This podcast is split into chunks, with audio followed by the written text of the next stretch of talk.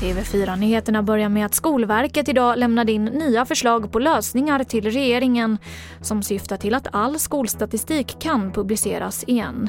Detta efter att beslutet att sekretessbelägga statistiken fått skarp kritik från både forskare och politiker.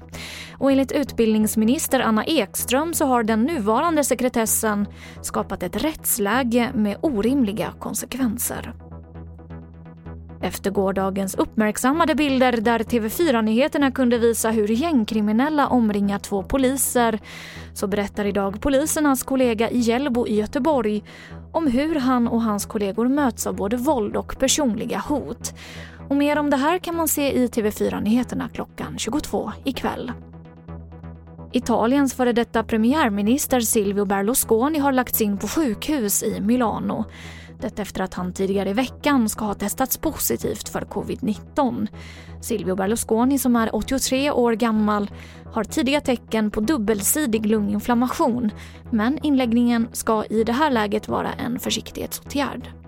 Och så kan jag också berätta att 28 biljoner ton is är borta. En ny studie har för första gången med hjälp av satelliter mätt hur mycket av hela planetens isar som har försvunnit. Främst på grund av klimatförändringarna.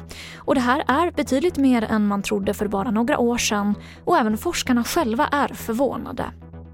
Och det var det senaste från TV4 Nyheterna. Jag heter Emily Olsson.